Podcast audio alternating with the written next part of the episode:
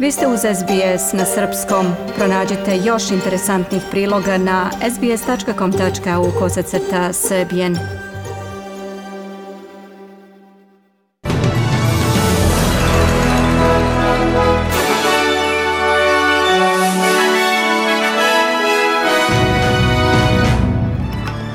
Koalicija najavljuje ulaganje još 8 milijardi dolara u vojne kapacitete Australije.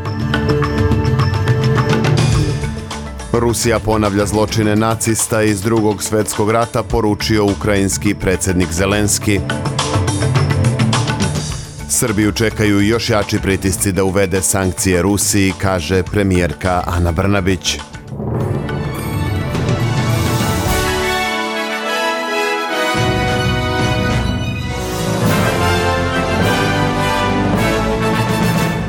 U Australiji je od danas otvoreno više od 550 biračkih mesta za prevremeno glasanje na saveznim izborima.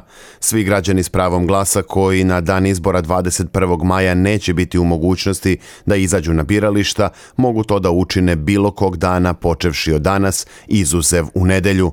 Spisak biračkih mesta za prevremeno glasanje može se pronaći na sajtu Australijske izborne komisije na adresi aec.gov.au. Koalicija liberalne i nacionalne stranke najavila je danas povećanje ulaganja u vojni sektor od čak 8 milijardi dolara. Ukoliko koalicija pobedi na izborima, ovaj iznos će biti namenjen za jačanje australijske flote vojnih helikoptera.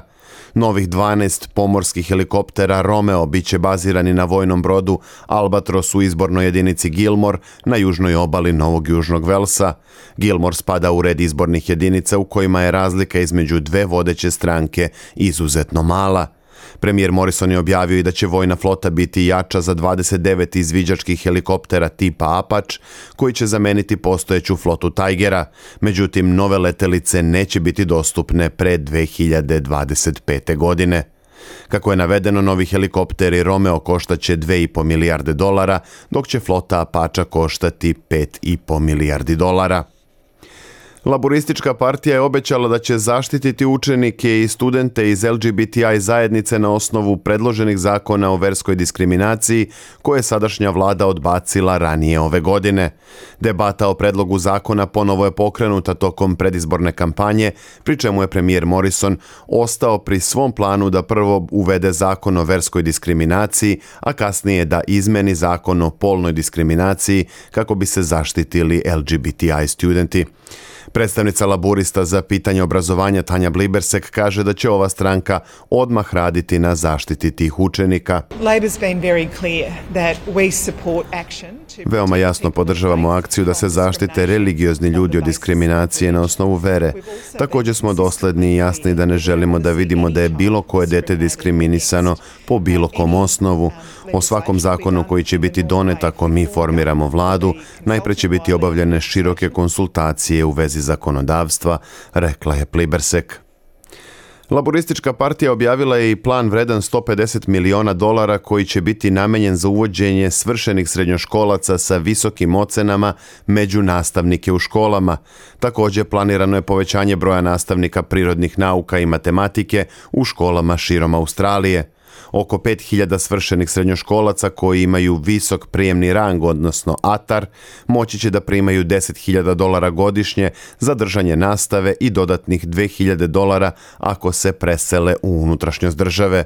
Također bi se finansiralo 1500 pozicija studentima prirodnih nauka i matematičarima da kao nastavnici rade pola radnog vremena dok završavaju svoje magistarske studije. Lideri G7 složili su se da postepeno ukidaju uvoz ruske nafte kao odgovor na invaziju ove zemlje na Ukrajinu. Kanada, Francuska, Nemačka, Italija, Japan, Velika Britanija i Sjedinjene države kažu da će ruska ekonomija biti teško pogođena novim sankcijama kako bi se ruskom predsjedniku Putinu uskratili prihodi potrebni za finansiranje rata.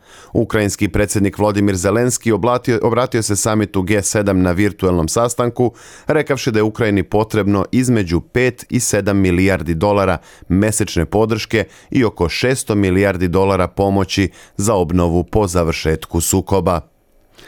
Ukrajinski predsjednik Zelenski optužio je Rusiju da u svojoj invaziji na Ukrajinu ponavlja nacističke zločine iz drugog svjetskog rata.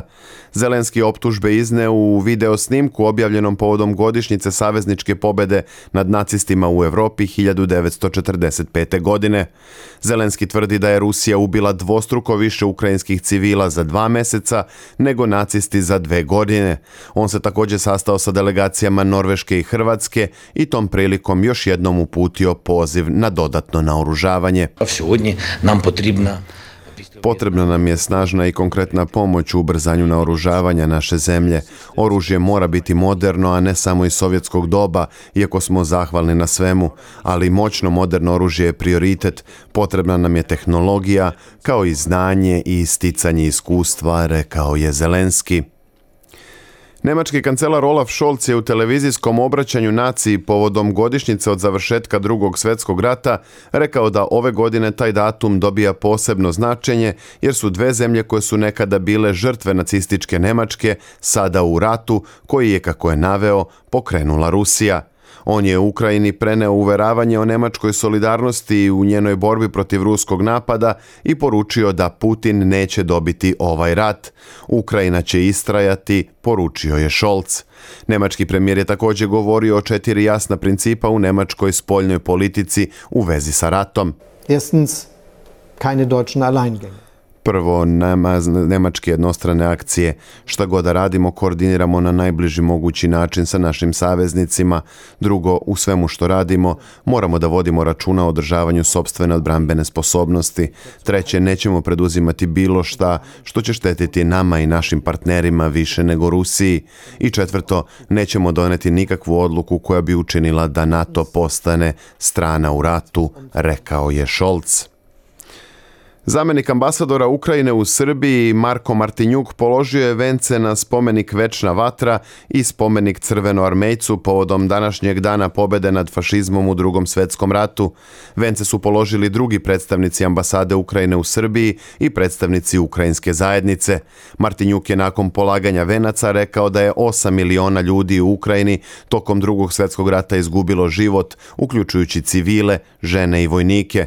Ovaj dan smo obeležavali zajedno s ruskim zvaničnicima, ali nakon ruske agresije na Ukrajinu mislimo da je Rusija izgubila moralna prava da to čini. Sada ona ponavlja nacistička zverstva u mojoj zemlji, kazao je Martinjuk na spomen groblju oslobodilaca Beograda. On je rekao i da je pobjeda nad fašizmom veoma važan događaj za ukrajinski narod, dodajući da je Ukrajina mirna zemlja koja, kako kaže, voli i traži mir. Od završetka drugog svjetskog rata do danas nije bilo tužnijeg dana pobede, rekao je za televiziju prva profesor dr. Predrag Marković, direktor Beogradskog instituta za savremenu istoriju. On je istakao da su Rusi i Ukrajinci danas u krvavom sukobu, a ta dva naroda su upravo ovim redosledom položila najviše života u borbi protiv fašizma. Ta tri naroda, istočno-slovenska, Rusi, Ukrajinci i Belorusi, su pobedili nacizam to je toliko velika stvar koja prevazilazi sve drugo. I sada e, e, kako će očuvati e, tu najsvetliju uspomenu svoje istorije. Naravno, to su velike istorije, ruska istorija je ogromna istorija, ali sa svetske stanovišta ništa važnije Rusi nisu radili nego što su spasili svet od nacizma. Srbija će izdvojiti 3 miliona evra za pomoć deci i raseljenima unutar i izvan Ukrajine, izjavila je premijerka Ana Brnabić na međunarodnoj donatorskoj konferenciji za Ukrajinu koja se održava u Varšavi. Brnabić je putem video linka rekla da će pomoć biti upućena kroz sistem Ujedinjenih nacija, od čega milion i po preko UNICEF fonda za decu, a drugih milion i po preko Visokog komesarijata UN-a za izbeglice, objavila najavila je vlada Srbije. Brnabić je navela da je Srbija 24. marta glasala za usvajanje rezolucije o humanitarnim posljedicama agresije na Ukrajinu u Generalnoj skupštini UN-a. Premijerka Srbije dodala je to da je vlada 27. februara usvojila odluku o pružanju humanitarne pomoći ugroženom stanovništvu Ukrajine i aktivirala privremeni zaštitni mehanizam za raseljena lica koja dolaze iz te zemlje. Ovo je prvi put da je takva vrsta legalnog mehanizma upotrebljena u Srbiji. Međunarodnu donatorsku konferenciju organizovali su premijeri Poljske i Švedske Mateuš Moravjecki i Magdalena Anderson u saradnji sa predsjednicima Europskog saveta i Europske komisije Charlesom Michelom i Ursulom von der Leyen. Donatori vlade i privatne kompanije okupljeni u Varšavi obećali su 6,5 milijardi dolara za hitnu pomoć Ukrajini. U Beogradu će danas biti održano i više manifestacija povodom Dana pobede nad fašizmom u drugom svetskom ratu. Predstavnici Ministarstva odbrane i Vojske Srbije, grada Beograda i Subnora položit će vence na groblju oslobodilaca i kod spomenika sovjetskim veteranima Navali. U okviru proslave Dana pobede, ambasada Rusije će organizovati tradicionalnu povorku Besmrtni puk kroz centar Beograda. I evropske zemlje danas obeležavaju Dan pobede i Dan Europe u znak sećanja na završetak drugog svjetskog rata u Europi 45. i početak stvaranja Evropske unije pet godina kasnije. Ove godine se obeležava 77. godišnjica završeta drugog svjetskog rata i 72 godine od pokretanja inicijative za stvaranje EU. U zemljama Unije poseban značaj ima Dan Europe kao dan koji je označio prekretnicu u odnosima evropskih zemalja i otvorio put ka stvaranju zajednice država, dok je u Rusiji težište na proslavi Dana pobede u drugom svetskom ratu. Dan pobede slavi se u znak sećanja na 9. maj 45. kada nacistička Nemačka potpisala kapitulaciju u drugom svetskom ratu. S druge strane, Dan Evrope je ustanovljen u znak sećanja na deklaraciju francuskog ministra spoljnih poslova Roberta Schumana iz 1950. koja se smatra prvim zvaničnim korakom ka nastanku EU. Više simbola Beograda u nedelju uveče je osvetljeno bojama Evropske unije povodom Dana Evrope. Kako je preneo Beo Info, osvetljeni su Palata Albanija, Fontana na Slaviji, Brankov most i Most na Adi. Na Dan Evrope delegacija Evropske unije u Srbiji organizovaće niz aktivnosti, a centralnu proslavu pod nazivom Festival Evrope organizuje u Novom Sadu, koji je izabran za Evropsku prestonicu kulture u 2022. Festival će otvoriti šef delegacije EU u Srbiji Emanuel Joffre, ministarka za evropske integracije Srbije Jadranka Joksimović, ambasador Francuske u Beogradu Pierre Košar i gradonačelnik Novog Sada Miloš Vučević. Srbija se trudi da potpuno samostalno donosi odluke koje se tiču njene sudbine, izjavio je ministar spoljnih poslova Nikola Selaković. Ne uvodimo sankcije Ruskoj federaciji, ali ono što je naš prioritetan cilj jeste brži evropski put, kazao je Selaković za RTS. Brži evropski put da bismo promenili svoje društvo da bismo ojačali vladavinu prava, da bismo privlačili i dalje što više investicija, da bismo bili i dalje prvak po ekonomskom rastu, da bismo bili neko ko ozbiljno drži finansijsku disciplinu u svojim javnim finansijama u trenutku kada to u Evropi ne možete gotovo ni kod jedne druge države da nađete. Dakle, to Srbija uspeva. Zašto? Zato što se Srbijom ozbiljno rukovodi. Premijerka Srbije Ana Brnabić izjavila je da će u narednom periodu biti još jačih pritisaka na Srbiju da uvede sankcije Rusiji. Ogromno interesovanje i nametanje nekoliko tema od kojih je jedna zašto je Srbija jedina država koja ne uvodi sankcije Rusiji, kazala je Brnabić na televiziji Pink. Ona je dodala da će u narednom periodu Srbiji biti sve teže, ali da predsjednik Vučić igra diplomatsku igru na neverovatan način, te kako je rekla, na sastancima koristi posnavanje istorije i prava, pa je teško da mu se suprotstavi argument. Brnabić je navela da izjava ruskog predsjednika Vladimira Putina u vezi sa Kosovom dodatno otežava situaciju u Srbiji. Brnabić je rekla i da Srbija mora da se bori za međunarodno pravo jer ono čuva i njene interese. U Beogradu je juče u 63. godini preminuo Veselin Simonović, direktor i glavni i odgovorni urednik portala nova.rs. Simonović je bio jedan od najistaknutijih novinara i urednika u Srbiji u posljednje tri decenije. Bio je urednik u Borbi, zatim u Nedeljniku Vreme, a dugo godina je bio glavni i odgovorni urednik dnevnog lista Blic. Od 2020. bio je osnivač, direktor i glavni odgovorni urednik portala nova.rs i direktor dnevnog lista Nova. Na međunarodnom tržištu valuta jedan australijski dolar danas vredi 70 američkih centi, 67 euro centi, 57 britanskih penija i 78 srpskih dinara i 50 para. Kišovito vreme zahvatit će u narednim danima veći deo istočne obale Australije. Sutra u Brisbaneu intenzivnija kiša i najviše 23 stepena, u Sidneju pljuskovi i najviše 22, u Melbourneu sunčano i 19, a u Kamberi oblačan dan i najviše 17. U Pertu utorak sunčano i 25, a vedar dan očekuje se i u Adelaidu uz maksimalnih 20 stepeni. Na Tasmani također sunčano i 18, a uglavnom vedro bit će i u Darwinu uz maksimalnih 33.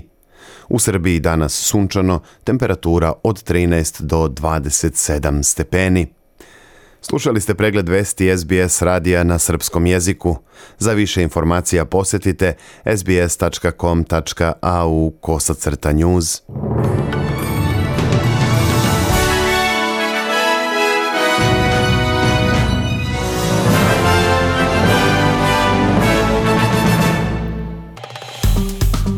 Dajte like, podelite, komentarišite. Pratite SBS Serbian Facebook profil.